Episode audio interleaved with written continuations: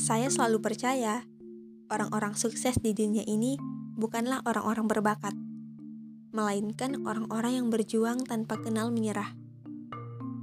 Di dunia ini hanya ada dua macam rasa takut: rasa takut yang beralasan dan rasa takut yang tidak beralasan. Takut perampok itu beralasan. Rasa takut dirampok membuat kita tahu cara bertahan hidup. Sementara takut melakukan hal yang kita sukai itu tidak beralasan. Ya, sama tidak beralasannya dengan takut hantu. Kutipan buku catatan juang karya Fiersa Besari.